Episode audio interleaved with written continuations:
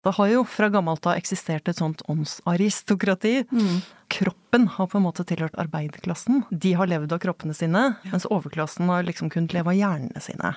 Så en maler maler eh, flotte unge menn som er modeller hentet fra arbeiderklassen, mens han selv ikke trenger å tenke på å gjøre noe fysisk eller holde seg i form. Men tesen tenker jeg nå er jo heller om å trene litt sånn ekstremt overskridende. Kanskje erstatter det der tidligere usunne livet, også for skrivende folk, det.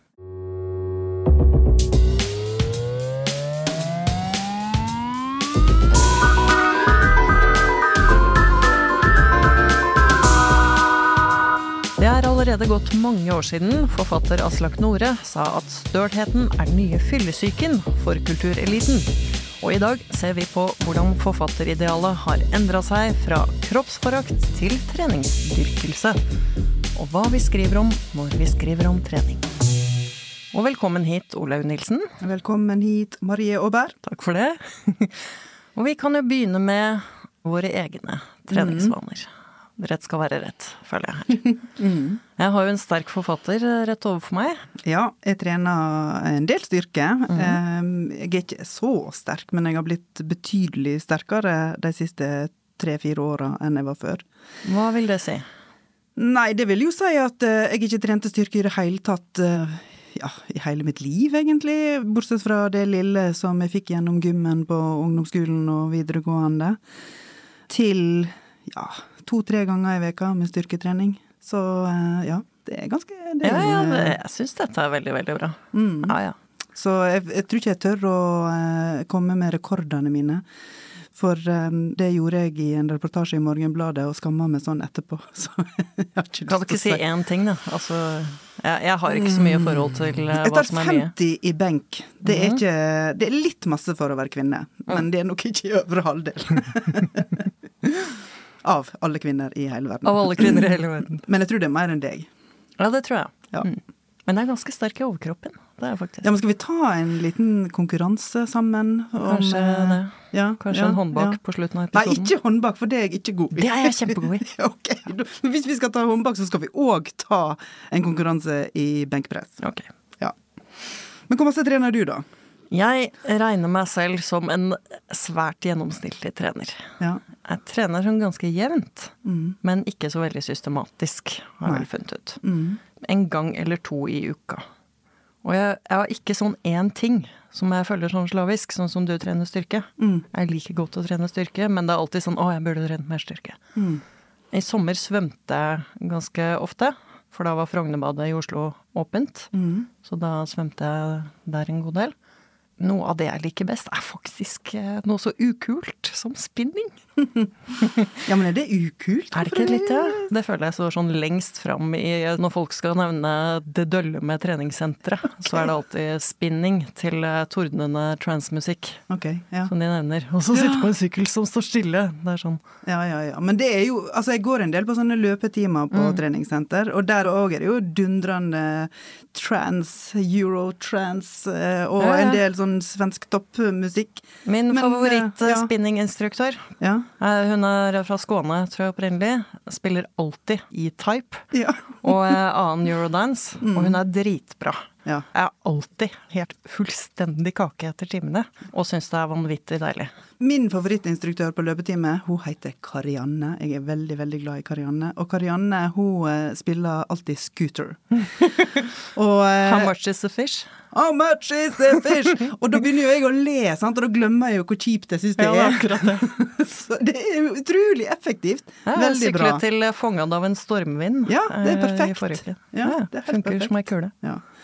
Men du er jo også med i eh, noe som heter Bokbransjenes løftarlaug. Mm. Dette kunne jeg lese i en sak i Morgenbladet Ja. i fjor, var det vel? Mm. Hva er eh, Bokbransjens løftarlaug? Det er ei Facebook-gruppe der eh, Sandra Lillebø og jeg, for vi trener ikke så ofte sammen, men vi holder hverandre oppdatert på treningene, særlig styrke. Vi skipa Bokbransjens løfterlaug som ei Facebook-gruppe, og så har vi invitert inn flere. Og da er det bokbransjen i brei forstand, det er ikke bare forfattere. Altså det er folk som jobber i forlag, kritikere, folk som har tilknytning til bokbransjen. Og der har jeg annet hatt en liten konkurranse gående med Marte Eielsen om hvem av oss som skulle nå 50 i benkpress først. Og hun nådde det først, og det var utrolig irriterende. ja, det var surt. Ja, det var surt. Men det er eh, varierende aktivitet. Men Tyra Tronstad er med der. Tyra Tronstad driver jo med crossfit. Ja. Og hun innførte f.eks. at vi kunne gi hverandre en bursdagsburpee. Det er egentlig bare jeg som har praktisert å filme meg sjøl i gi de andre i lauget bursdagsburpee. For uinnvidde så kan du forklare hva en burpee er. Klarer jeg det, da? Hvordan skal jeg forklare en burpee, da? Du må legge deg ned og ta en armheving, og så reiser du deg opp igjen og hopper med armene i været. spenst opp. Spenst opp, ja. Ja. ja. Dette er et veldig sånn der eh, amatørnivå, helt åpenbart. Men eh, for meg så funker jo ei sånn gruppe veldig motiverende. Både det der konkurranseelementet, men òg eh, den oppmuntringa og litt sånn eh, hjelp og støtte. Katrine Sandnes er med der, og hvis noen legger ut video, så er hun klar med gode råd. Så eh, Hun kunne vært eh, instruktør. hun kunne vært instruktør, absolutt. Altså, Første del av denne episoden handler jo i grunnen mye om forfattere som trener og endringene rundt dette og alt sånn, og andre del handler vel om bøker om trening. Så nå blir det litt sånn anekdotisk, men det er jo også greit. Det må være lov! Men denne her Morgenbladet-saken jeg nå refererte til, den eh, kom eh, ja, noe sånn som ti år etter at DN hadde en sak om forfattere som løper. Altså Morgenbladet-saken handla om forfattere som løftevekter. Og eh, i DN-saken så slo de jo fast at den usunne intellektuelle er en utdatert myte. Og det her føler jeg er en sak som med jevne mellomrom gjentar seg. At den der usunne kunstnerkroppen er ut, og her er liksom bevisene for nå er det så mange som løper og, og gjør ting. Er det her noe du syns har skjedd i løpet av vår eh, voksne tid, eller din forfattertid f.eks.? For Sannsynligvis så har det vel alltid vært sunne forfattere innimellom alle fyllikene. Nei. Ja, jeg mente ikke det. Eh, Men altså, det romantiske kunstneridealet har jo framelska rus, vil jeg si. Og det har jo vært min opplevelse som ung forfatter, at eh, rus var en del av det å være forfatter. Og det er jo selvfølgelig spennende, og det er et grenseoverskridende element i det som egentlig passer bra for det å skulle skape kunst, ikke sant. Altså at det å pushe grensene er en del av det du gjør når du skriver. sant? Overskridelse? Ja, overskridelse.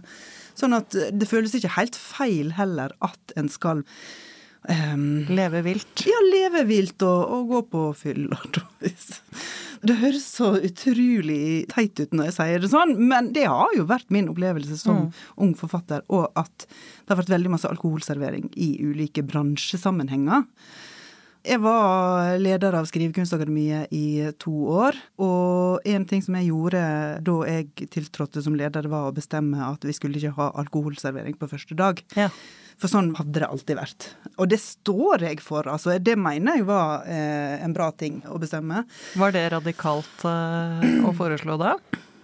Ah, det var nå litt reaksjoner på det. Ja. Men uh, viktigere enn det, tenker jeg, er å sørge for at det ikke bare skal være alkohol som alternativ. At du skal ikke forvente av studenter som skal begynne på en skriveskole, at alkohol skal være det første du møter, og at det skal du ha lyst til som skriveskolestudent. Eller det skal du ha bruk for, hadde jeg nær sagt. Og der har det jo skjedd noe etter alle metoo-sakene, ikke bare i bokbransjen, men i andre bransjer òg, at eh, metoo-sakene blir satt i sammenheng med alkoholforbruk.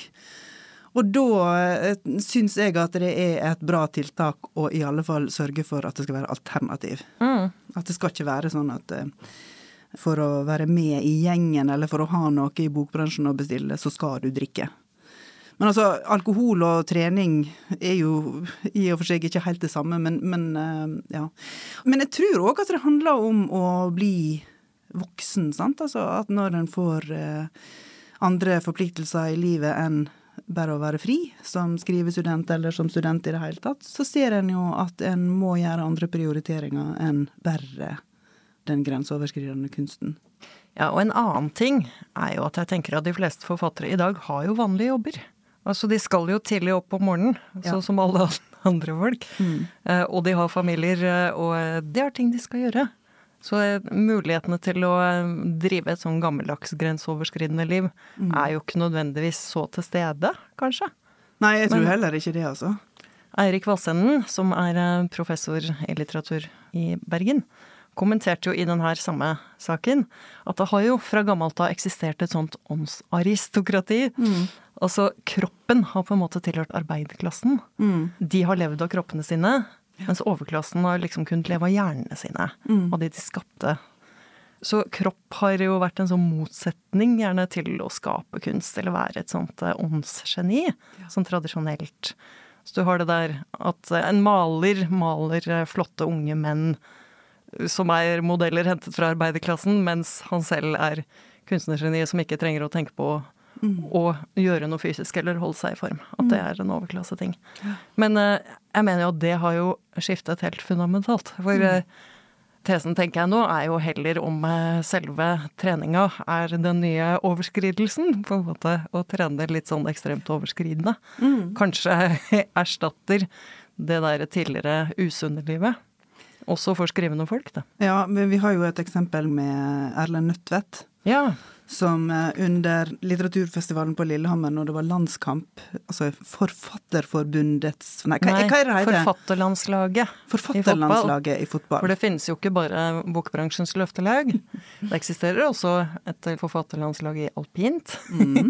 og fra gammelt av et forfatterlandslag i fotball. Ja, og forfatterlandslaget i fotball var vel det første og det mest myteomspunne og mest stas å være med på, for det ble arrangert landskamper med andre forfatterlandslag, og blant annet da på eh, litteraturfestivalen på Lillehammer, mellom Norge og Italia. Og da var Erlend Nødtvedt der som tilskuer, og satt og drakk og røykte og koste seg og hadde det Han var reserve. Ja, han var reserve, Ja, han men, han reserve. på, men han satt på tribunen i alle Ja. fall. Ja. Vi fikk denne historien eh, bekreftet selv før vi spilte inn dette. Ja, og Erlend Nødtvedt har sjøl skrevet om det i ei bok, så det er offentlig, offentlig kunnskap. Ja. Men han ble henta inn, da, på slutten av kampen. Og kom glad ned på banen og tok imot eh, landslagsskjorta og Men hadde pensko. Men det som da skjedde, var at han skårte. Og eh, avgjorde kampen. Det ble 2-1 til Norge. Og eh, den følelsen av å være komme rett fra tribunen og inn for å avgjøre en fotballkamp på den måten, den var ifølge han sjøl helt ubeskrivelig og fantastisk. Og Men så det- var han helt tom for krefter etter det. Ja. Han var sånn, åh, nei, da var det ferdig. Men der kombinerer han jo, sant. Altså, det er jo en kombinasjon av Det er sjelden ja. folk behersker begge deler. Ja. Og det det- var vel kanskje mer flaks enn egentlig prestasjon. Nei da! Nei da, det var skills. Men hvem tror vi er eh, Norges sterkeste forfatter? Vi har jo nevnt Tyra allerede, hun er ganske sterk. Tyra er sterk. Jeg trodde jo at Eivind Riise Hauge var Norges sterkeste forfatter, men i den saken i Morgenbladet så ble det sterkt tilbakevist. Eh, Der var det Bjørn Andreas Bull Hansen som ble eh, utpekt som den sterkeste av norske forfattere. Så det er liksom ikke noe tru. Nei.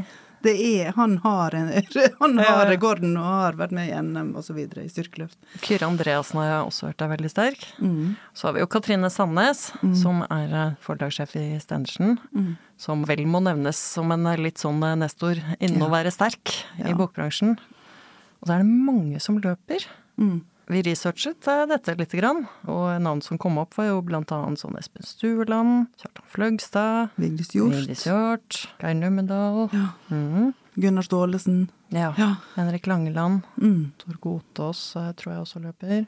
Og Monica Isakstuen sa i et intervju nylig i forbindelse med sin nye bok, De små jentene, at hun òg løp, men hun ville ikke være på Strava eller noe sånt. Hun kalte det for eh, kulturelitens Instagram, tror jeg. Det er vel ganske presist. det er sikkert presist. Men hun sa det at siden ektemannen skulle springe et løp på 20 km, så ville hun teste om hun klarte det. Og det klarte hun. Så hun fikk sagt det, da. Det er ikke så nøye, men jeg klarte det. Ja, det skjønner jeg godt. Ja. Og så er det jo en hel del andre ting. Mm. Jo Nesbø klatrer. Og, ja, og Erlend Lo han sykla på enhjulssykkel. Mhm. Så er det jo folk som driver med kampsport. Altså Ida Neverdal, som er serietegner. Mhm. Mireille Abrahamsen. Jeg har hørt at Beate Grimsrud var god i boksing. Mm. Og så er Åsne Seierstad veldig god på ski. Å, jeg ble forresten shamet av Åsne Seierstad jo, i uh, Krisemøter-podkasten for å være dårlig i gym. Og det var veldig morsomt. For uh, hun var gjest i episoden etter meg. Oskar Holm Johansen, da, og da må man fylle ut en sånn uh, Mine venner-side på slutten av episoden. Og uh, da var det sånn spørsmål om yndlingsfag, og så sa hun gym. Og Kyrre sa et eller annet om at det er ikke alle som er glad i gym. Marie Aubert, som var gjest i forrige episode, hun hadde helt nederst. og så ja. sa Åsne sånn Å, men hun er ikke akkurat atletisk! Å, den svei! Nei! Åsne! Ja, dette tror jeg vi må ta over en håndbak en gang. Ja. Men da slår hun meg, vet du. ja. Men internasjonale navn er det jo også veldig mange av. Altså Deborah Levy skriver veldig fint om svømming i sine memoarer. Jeg fikk vite at Per Olof Enquist har vært en habil høydehopper. En ekstrem variant eh, er eh, Yukio Mishima, altså japansk forfatter, som selv i grunnen ble et sånn kroppsbyggerkunstverk. Trente sin kropp eh, sterkere og sterkere for å bli så vakker som overhodet mulig. Og kulminerte da i et veldig sånn spektakulært og koreografert offentlig selvmord. Oi da. Ja, det var veldig voldsomt. Og her fins det mange historier for den som vil researche det. Men når vi ramser opp alle disse eksemplene, særlig fra norsk samtidslitteratur nå, da, så tenker jeg jo at det er mer nærliggende å tenke at dette ikke er nødvendigvis unntak. Altså at de fleste forfattere er usunne, men at det er noen som trener masse. Er mer nærliggende å tenke at hvis man skal kalle det kultureliten, også har et ganske høyt prestasjonsnivå på trening og idrett, tenker jeg da. Ja, men jeg kjenner ikke meg igjen i det for min egen del. Altså For min egen del så har jo det å begynne å trene vært noe som blei nødvendig, vil jeg vel egentlig si. Fordi at eh, når en kommer over en viss alder, så, så må en jo drive litt vedlikehold av kroppen. Og det er jo kanskje en slags midtlivskrise, men jeg vet ikke. altså hadde jeg latt være, tror jeg at eh, livet mitt hadde blitt betydelig kortere. Ja, ja. Altså Selv om jeg eh, er med i bokbransjens løfterlaug, så betyr jo ikke det at jeg har høye prestasjoner. Det betyr jo bare at jeg trenger masse motivasjon for å holde ut Ja, treningen. Du liker det. Ja, altså at det, at det er godt å ha et fellesskap rundt det som gjør at det gidder, rett og slett. da. Mm. Så eh, mitt nivå er i hvert fall ikke høyt. Men det er vel sånn at en del forfattere som kanskje ikke må opp om morgenen til en vanlig jobb, da, i tillegg til forfatterskapet, har en del tid til å trene så masse som skal til for å nærmest være en toppidrettsutøver. Den eneste forfatteren jeg kom på nå som sånn åpenbart holder på sin forakt for mosjon, det er jo Dag Sølstad. Som fra gammelt av har liksom skrevet om at enhver veit jo at en jogger er ute og lufter dødsangsten sin. Og jeg fortsetter med litt sånn at det er noe litt pinlig. Og litt sånn iverdig. Han er jo glad i fotball og skøyteløp, så det er jo ikke sånn alt som er fysisk aktivitet Nei. som sådan. Det er mer sånn der mosjonen for mosjonens skyld, har jeg inntrykk av.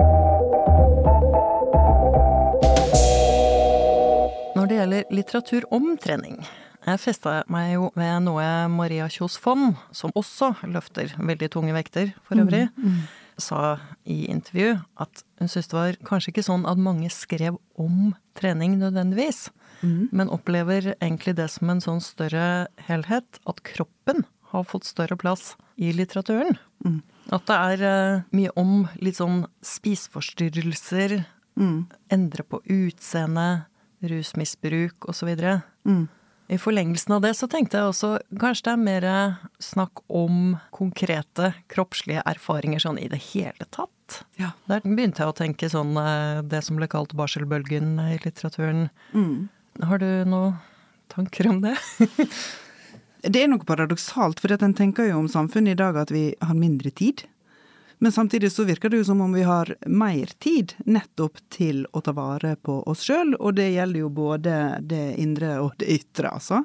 Og den der innføringen av alle slags apper og pulsklokker videre, det gjør jo at vi kan overvåke oss sjøl på en annen måte, og derfor får med oss på en helt annen måte hva som skjer med kroppen. Nei, men jeg tror egentlig hun kan ha et eh, poeng der. Eh, At det er en eh, større tendens til å skrive om hvordan kroppen kjennes. Mm. Og kanskje litt sånn den der bevisstheten om at du skal ikke skamme deg rundt det som gjelder kroppen. Mm. Har sevet inn ganske mye i det vi skriver også, da. Ja. At de erfaringene kommer litt lenger fram. Mm. Hun mente også at det var større plass for litt sånn det patologiske enn for treningsgleden, Mm. kanskje. Ja, altså det ekstreme i trening. Det ekstreme og det litt gærne. Ja, og det er jo selvfølgelig, hadde jeg nær sagt, for det, hvor gøy er det egentlig å skrive om eh, den jevne turen til eh, treningssenteret? Ja, nei, og... sånn eh, hverdagstrening som jeg holder på med, blir ikke noen stor roman av, tenker Nei, jeg. da blir det mer oppramsing, og det kan være på Strava, sant, som en liten Men vi skal jo snakke om eh, noen bøker som handler ganske mye om trening også. Og eh, en av de vi har eh, sett på, er eh, debutboka til Heidi Midthun Kjos. Mm. Den heter 'Områder av særskilt betydning'. Veldig god bok. Ja, den syns jeg var ganske interessant. Og der kan man absolutt spørre om det er mest glede eller mest patologisk, eller besettelse, Ja. som er i kjernen. Ja, nei, jeg har lyst til å begynne når vi snakker om den boka med å nevne en episode der Ada, som er hovedpersonen, for hun er selvfølgelig på Strava. Og Strava er, for de som ikke vet det, det er en treningsapp der du kan registrere treninga di. Og det er det veldig mange som gjør. Jeg gjør det òg, sjøl om eh, den er ganske laber. Men eh, der blir det registrert, da, hvis du har sprunget ei strekning og du har sprunget fortere enn noen andre. Så det kan du se der inne. Liksom, hvem har sprunget opp levende ord bakke, som det heter i nabolaget vårt? Hvem har vært raskest opp dit? Og Ada har vært raskest da på et strekk. Men så er det en som har slått henne. Og da klarer ikke hun å la det ligge. Hun er nødt ut å springe for å ta over igjen den rekorden. Og da handler det jo ikke bare om eh, at hun skal være best, men at hun som kvinne skal slå den her unge mannen, eller jyplingen som hun regner med at det er. Og når hun da kommer tilbake igjen til huset og skal liksom åpne appen for å registrere det her, for hun vet at hun har slått han, det vet hun allerede, og kaver med vottene for å få dem av, for at hun gleder seg sånn til å gå inn og liksom virkelig få registrert og få liksom vist fram på Strava at hun har slått, tatt tilbake rekorden. Og så har hun lyst til å, å, å kalle rekorden 'most av mor'. og det er jo litt enkel humor på én måte, men samtidig så er det noe så vilt i den beskrivelsen som gjør det helt ja, herlig å lese. Kan Most av mor. Most av mor. Og så kan du kjenne igjen den der at du når du kommer over en viss alder og er, er ferdig med en del ting, og så det der begjæret etter å ha noe å vise til blir kanskje ekstra stort, og da er det der most av mor, at det ligger på en måte en ekstra ydmykelse for vedkommende som hadde tatt den rekorden en liten Tok stund. deg, Tok liksom. deg, ja. Kan jo si litt om eh, Ada, også hovedpersonen i boka. Hun er eh, i starten av eh, 40-åra, bor sånn nordvest i Oslo. For uinnvidde så er dette et område i Norge med stor tetthet av konkurransedrevne folk. Og det her eh, livet hun har, med en mann som er manusforfatter og to barn Det er tegnet eh, med ganske kraftige sånne øvre middelklasse-kulturmarkører. Det er liksom det er mye pH-lamper, arkitekttegnede løsninger. Daybed. Ja, det er litt sånn eh, kunstnere med rike foreldre eller ektefeller, eh, og mye penger. Mm. Men Ada, hun er da besatt av løping. Og boka er eh, bygd opp rundt forberedelsene til Adas første ultraløp. Mm. Og et ultraløp, det er da en distanse som er lenger enn vanlig maraton. Hun skal løpe Nordmarka Ultra Challenge, som er 100 km. Og da løper man sånn i nærmere et døgn, sånn gjennom natta, og det er jo et løp med mye risiko, Mm. som krever veldig mye forberedelse. Men hva er det du tenker at løpinga er for Ada i denne boka? Jeg syns det er flere ting, egentlig. Fordi det er jo både et eh, mestringsprosjekt. For det ligger jo masse glede og livsmot i å jobbe mot et mål, da. Men sånn som det er framstilt, snikende og mer og mer påtrengende, så tar jo forberedelsene til ultraløpet fullstendig over. Yrkeslivet, familielivet, alt blir satt på spill. Og det er noen ganske såre og vonde scener, særlig med barna. Ada har to barn. og så vil hun veldig gjerne at uh, sønnen skal være med og trene, og at han òg skal ha glede av treningen. Men hun er for ivrig, hun er for masete på han, hun vil det for masse, og han vil ikke. Og så ender det bare i sårhet og avstand mellom dem, mm. istedenfor den nærheten som det kunne ha skapt. da. Og det der at alt skal ha en treningseffekt, ikke sant. For når hun først liksom er inni det, sant? og er så inni den der planleggingen av at hun skal få til de der 100 kilometerne, og det krever så masse, det er så masse hun er nødt til å gjøre, at sjøl på ferie med familien så er hun der hele tida. De kan eksempel ikke ta heisen opp i Eiffeltårnet fordi at eh, Nei, men nå kan vi gå trappene sant, for treninga. Men det er det jo bare hun som vil, de andre vil jo ikke det.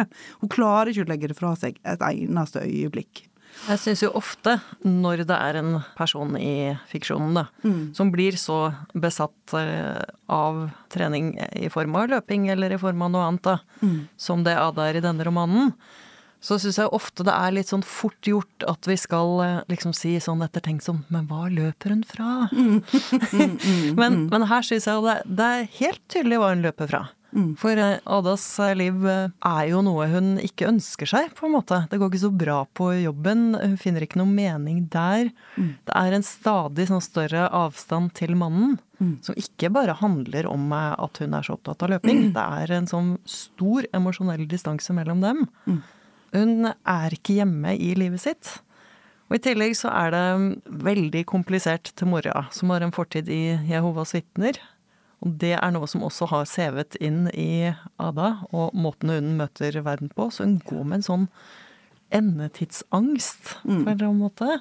Mm. Jeg tenker jo at den løpinga blir egentlig det eneste stedet hvor hun kan stole på seg selv. Mm. Mm. Den eneste frisonen hun har, for det første. Men det er noe mer eksistensielt enn det. Det er ikke bare en sånn 'da får jeg en pause'. Nei. Det er egentlig det eneste ankeret hennes, tenker jeg, i tilværelsen. Mm. For jeg tror hun, hun, føler seg egentlig bare trygg når hun er alene, leser jeg i det her, da. Mm. Og her er hun helt alene, og det er bare hennes egen kropp som kan sette begrensningene. Og da blir det en sånn kamp for å tøye de begrensningene som kroppen hennes eh, byr på. Mm og pushe det så langt hun bare kan. For å liksom Jeg leser det nesten som å utvide en sånn sone av eh, trygghet, da. Mm. Ja, altså hvis jeg erobrer dette, så eier jeg også verden på en annen måte. Mm. Ja, men jeg, men jeg, ser det. Jeg ser dette. Men uh, jeg tror nok at jeg las mer det at løpingen fjerna henne, rett og slett. Fra, Den gjør jo det også. Ja. Ja. ja. Men det er vel kanskje det som gjør boka så interessant mm. og så god, at du får begge de der bevegelsene samtidig. Og uh, samtidig som du blir med på å følge reisa mot det der målet. Sant? Og at du føler som leser Du har jo lyst til at hun skal klare det der løpet når hun først har holdt på og strevd og kava. Og hun beskriver jo òg i romanen hele ultraløpet. Det er jo nesten ja. en tålmodighetsprøve å lese det, bare. Ja, det får vi det, sånn i real time, ja, nesten. Ja, helt forferdelig. Det er ikke snakk om at jeg noensinne skal springe 100 km. Kan jeg bare få skyte inn en anekdote? Jeg sprang mm. to kilometer i, i Bergen City Maraton i, i stafett, som del av Bergens Tidende sitt lag. Og jeg så etterpå på resultatlista at på den to kilometersetappen så var jeg på 350. plass av 358. Oi, oi, oi. Så ultraløp Altså, jeg kan sikkert beskrive hele de to kilometerne i real time, men Med hallusinasjoner underveis, sånn som Ada har. Nei, men jeg hadde på meg en sånn der vest som hun har. For hun har jo bare Hun springer jo bare med en sånn der vest som hun har plass til sånn der gel og, og noe sånt som hun bruker. Jeg hadde på meg en sånn vest. Med, så det er nesten det samme. er nesten det samme. Men det er òg noe med det at altså det å springe sånn ultraløp 100 km, det er ikke vanlig. Nei. Men vi kjenner jo en del som har sprunget maraton, ja. og halvmaraton ikke minst. Så min opplevelse av folk på vår alder er at veldig mange trener veldig masse. Det gjelder jo ikke bare forfattere, det gjelder liksom alle. Men for Ada syns jeg det er en sånn Hun skal møte dyret i åpenbaringen mm. i dette ultraløpet. Mm. Hun gjør det jo også. Kan ja. jeg løpe? Mm. Men kan jeg røpe? Og så kan jeg løpe. Hørte du det? Ja. nice. nice. Så det er jo sånn hennes Armageddon og hennes sånn konfrontasjon Ja. med seg selv. Men hun har jo, helt som du sier, lagt veldig mye i grus når det kommer så langt. Ja, det har hun. Så hun brenner jo også, Og jeg er helt enig i det, ja. hun brenner jo fryktelig mange bruer Ja, for å kunne rydde plass til det der i Mm. livet sitt. Men jeg syns det er en veldig interessant historie om hvor kommer en sånn besettelse fra. Den går ganske langt inn i det, Mm. samtidig som den gjør det spennende hele veien. Ja, og, og det der at dette er treffende som samtidsdiagnose samtidig, sant? i og med at det er så mange som driver med det. sant? Vi leser om eh, Birken eh, år etter år, altså. Det er et tema som er relevant òg. Ja.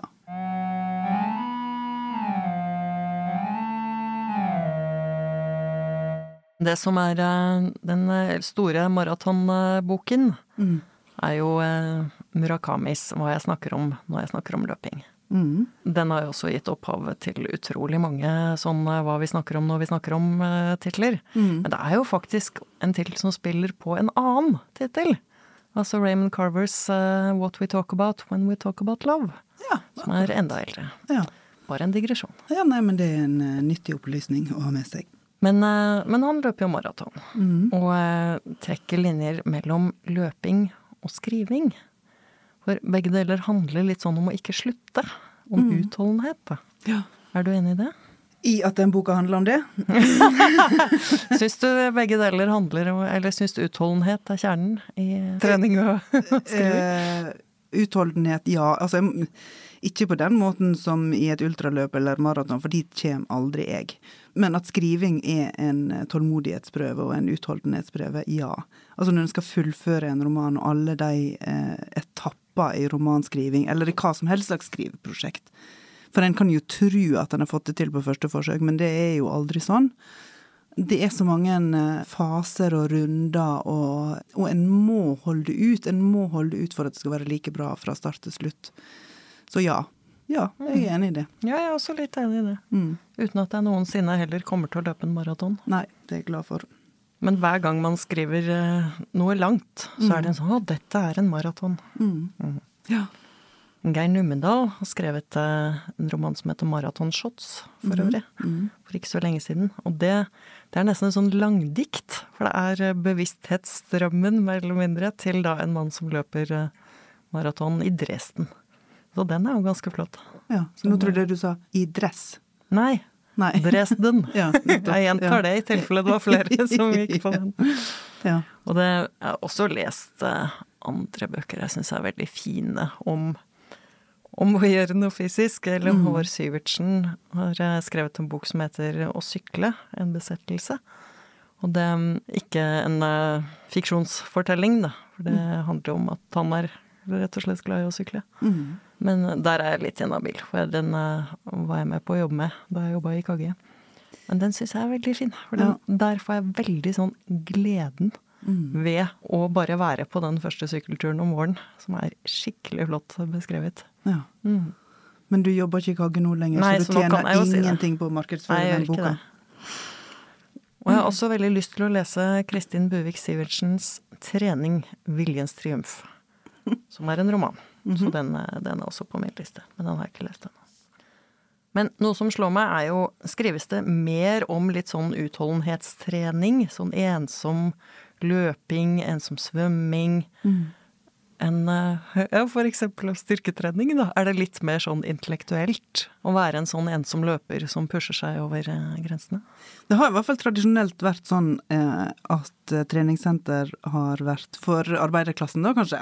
Eh, mens eh, det der å være ute og springe eller ute og gå på ski blir forbundet mer med kultureliten. Og det er en av de tingene som den svenske forfatteren Sara Martinsson er innom i sin bok 'Knebøy'. At, altså det er klasseforskjellen, da, i forskjellige måter å trene på. Og hun skriver jo blant annet om det der at du må ha tid og råd til å trene. Og at når hun opplever styrketrening som veldig frigjørende for seg sjøl, så er hun samtidig klar over at det å få tilgang til den friheten, det er noe hun kan fordi at hun er, har tid og råd til å gjøre det.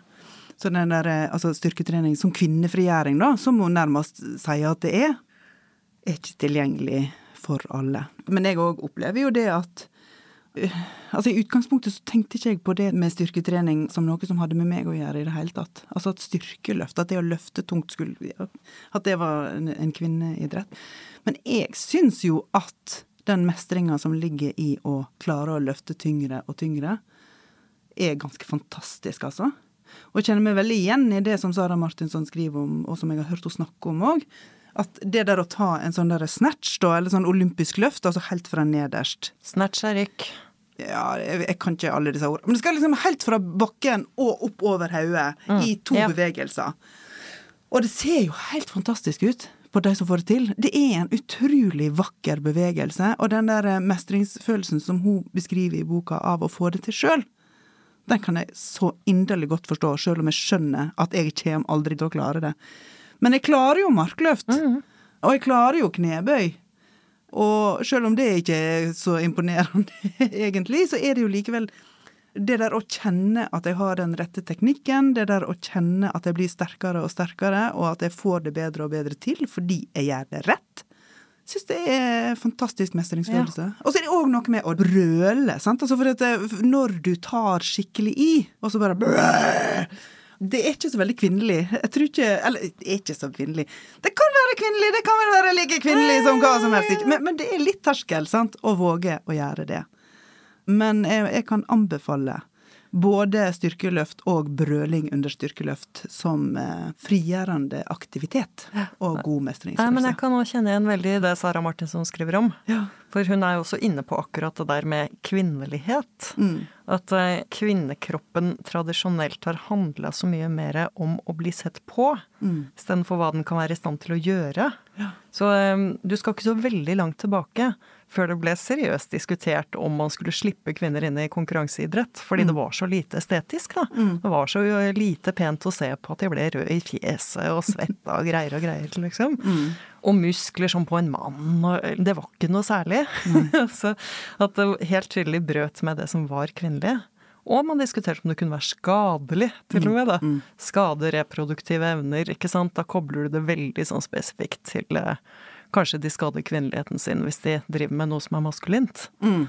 Så hun finner jo sånn enorm frigjøring i bare 'dette kan min kropp'. Og det kan jeg også veldig kjenne igjen, selv om jeg ikke er absolutt ikke like sterk som du er. Men eh, jeg kan kjenne igjen det der med gleden over eh, styrketrening. Mm. Altså, jeg har aldri vært rask.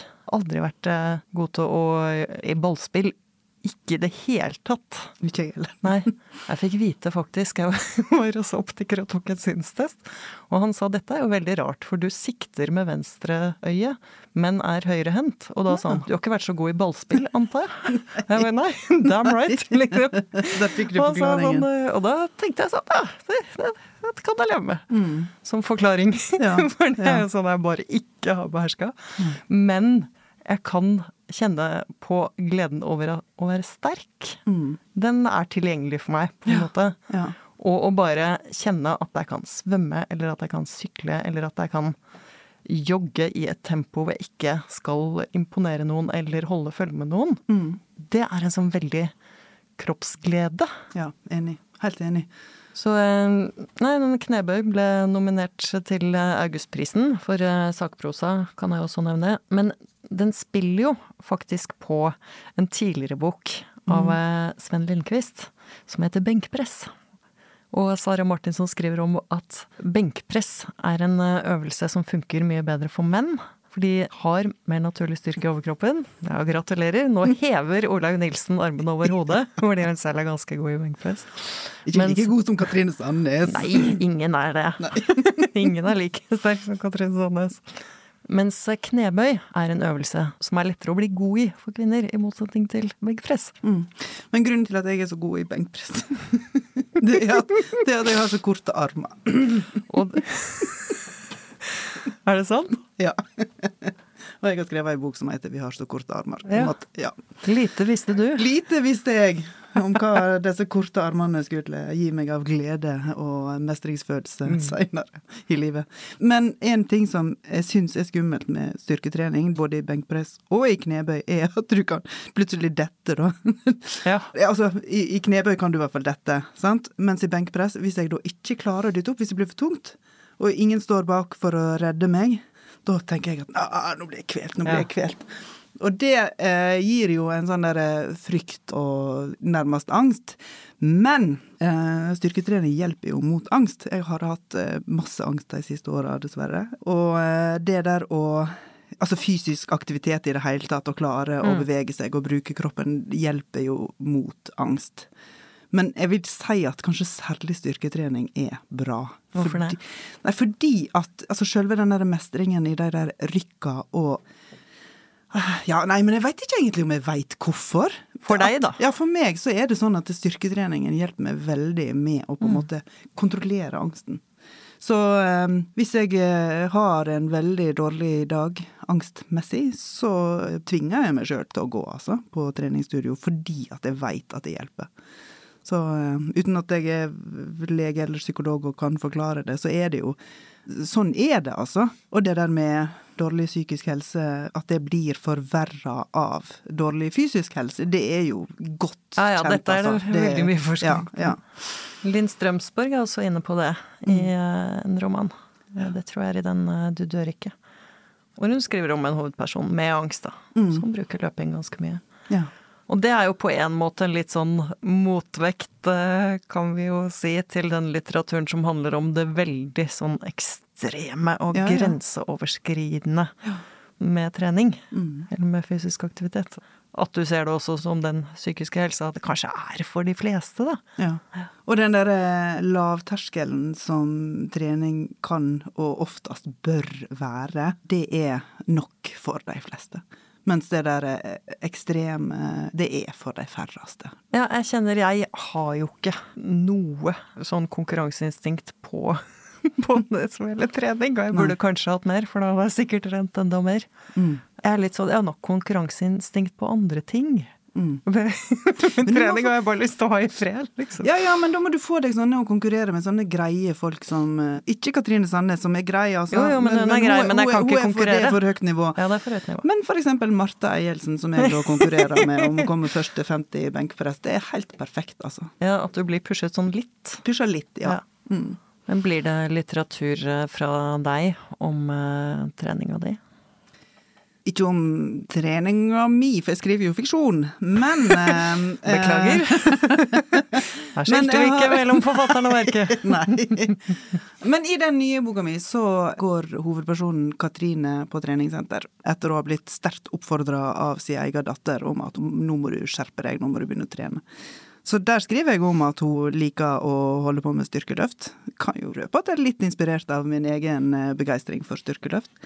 Men eh, Katrine hun syns at eh, det er så irriterende på treningssenter fordi at alle de unge kvinnene går med treningstights som går inn i rumpa, og som har et sånt rysjesystem rundt eh, rumpesprekken, sånn at det ser ut Dette når det har jeg lagt merke til. Ja, sant? Det er rart med det der rysjesystemet. Ja, jeg har, jeg har uh, undret meg. ja, du har undra deg. At det ikke lenger er sånn bare at tightsen sitter tight, men den går inn i rumpesprekken. Ja, det er veldig det må være lov å skrive Jeg føler meg så gammel når jeg tenker over sånt. Ja, og det er... Muligens litt creepy òg. Ja, sant, fordi ja, du legger merke til det. sant, ja.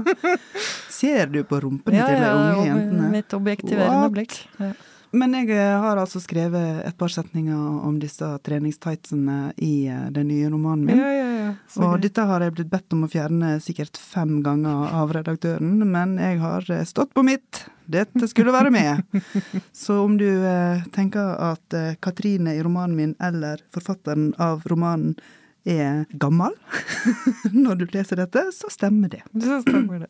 Men da kan jo det være en sånn fin lavterskeloppfordring da, til eh, folk som tenker at de ikke tør å gå på treningssenter. Da kan mm. de liksom eh, lese om Katrine, og så kan de føle seg litt sånn holdt i hånden inn der. Ja, jeg vet ikke om du egentlig vil føle det med Katrine. For, nei, Katrine er ikke en som holder i hånden. Eh, nei, hun sånn er litt hardere enn som så. Men det, det jeg kan fortelle, da kan vi gå tilbake igjen til virkeligheten, som er meg på treningssenter. For for meg så var det en ganske stor terskel å begynne å være på treningssenter ja. i det hele tatt. For jeg var ikke noe glad i gym eller idrett når jeg var ung, og, altså gjennom hele oppveksten. 20-åra, 30-åra òg, egentlig. Jeg, sånn, jeg likte å gå på fjellet, men det er det, liksom. Men eh, når jeg da begynte å gå der, og skjønte at jeg var ikke den eneste gamle kjerringa som, som sprang kjempesakte, og som var klønete, som ikke visste hvordan jeg skulle bruke apparater, osv., osv. Og og ikke bare skjønte at jeg ikke var den eneste som hadde det sånn, men òg skjønte at de fleste som er der, de driter jo i meg. De er opptatt av seg sjøl. De ser ikke på meg. Og jeg, altså, ja, jeg legger merke til eh, rumpesprekkbuksene til de unge jentene. Det er mer sånn vår gammelmodige undring over dagens mote, Ja. føler jeg. Men det går jo ikke eller ok, Et til eksempel som motbeviser at jeg ikke bryr meg om andre. Jeg så ei ganske ung jente som drev og løfta sånn eh, 100, og så 105, og så 110 i markløft. Jeg ble stående og glo på henne, altså. Fordi hun var så sterk. Fordi hun var så sterk. Og så sa jeg det til henne. Altså, 'Unnskyld at jeg glor på deg, men du er så imponerende sterk.' Og da ble hun glad, da. Da ble hun glad. Men altså, du trenger ikke være så redd for det, altså. Nei, det er de- helt sant. De andre folka på treningssenteret er ikke der for å se på deg og gjøre narr av deg. De er for å trene sjøl. Holde på med sitt. Men hva med deg, Marie? Skal du skrive noe om trening? I det hender jeg baker inn en eller annen sånn løpesekvens, eh, hvis det stemmer med den karakteren jeg skriver om, eller Men jeg har ikke skrevet sånn eh, den, den store treningsromanen. Nei, du ser ikke kanskje helt det for deg? Nei, da må jeg nok bli mye mer besatt av en eller annen ting først. Vi får se om det, om det skjer. Eller om jeg bare kommer til å fortsette å trene for å ikke dø tidlig. Men eh, tusen takk for i dag, Olaug. Takk sjøl, Marie. Gå ut og løft dine vekter i fred. takk for i dag.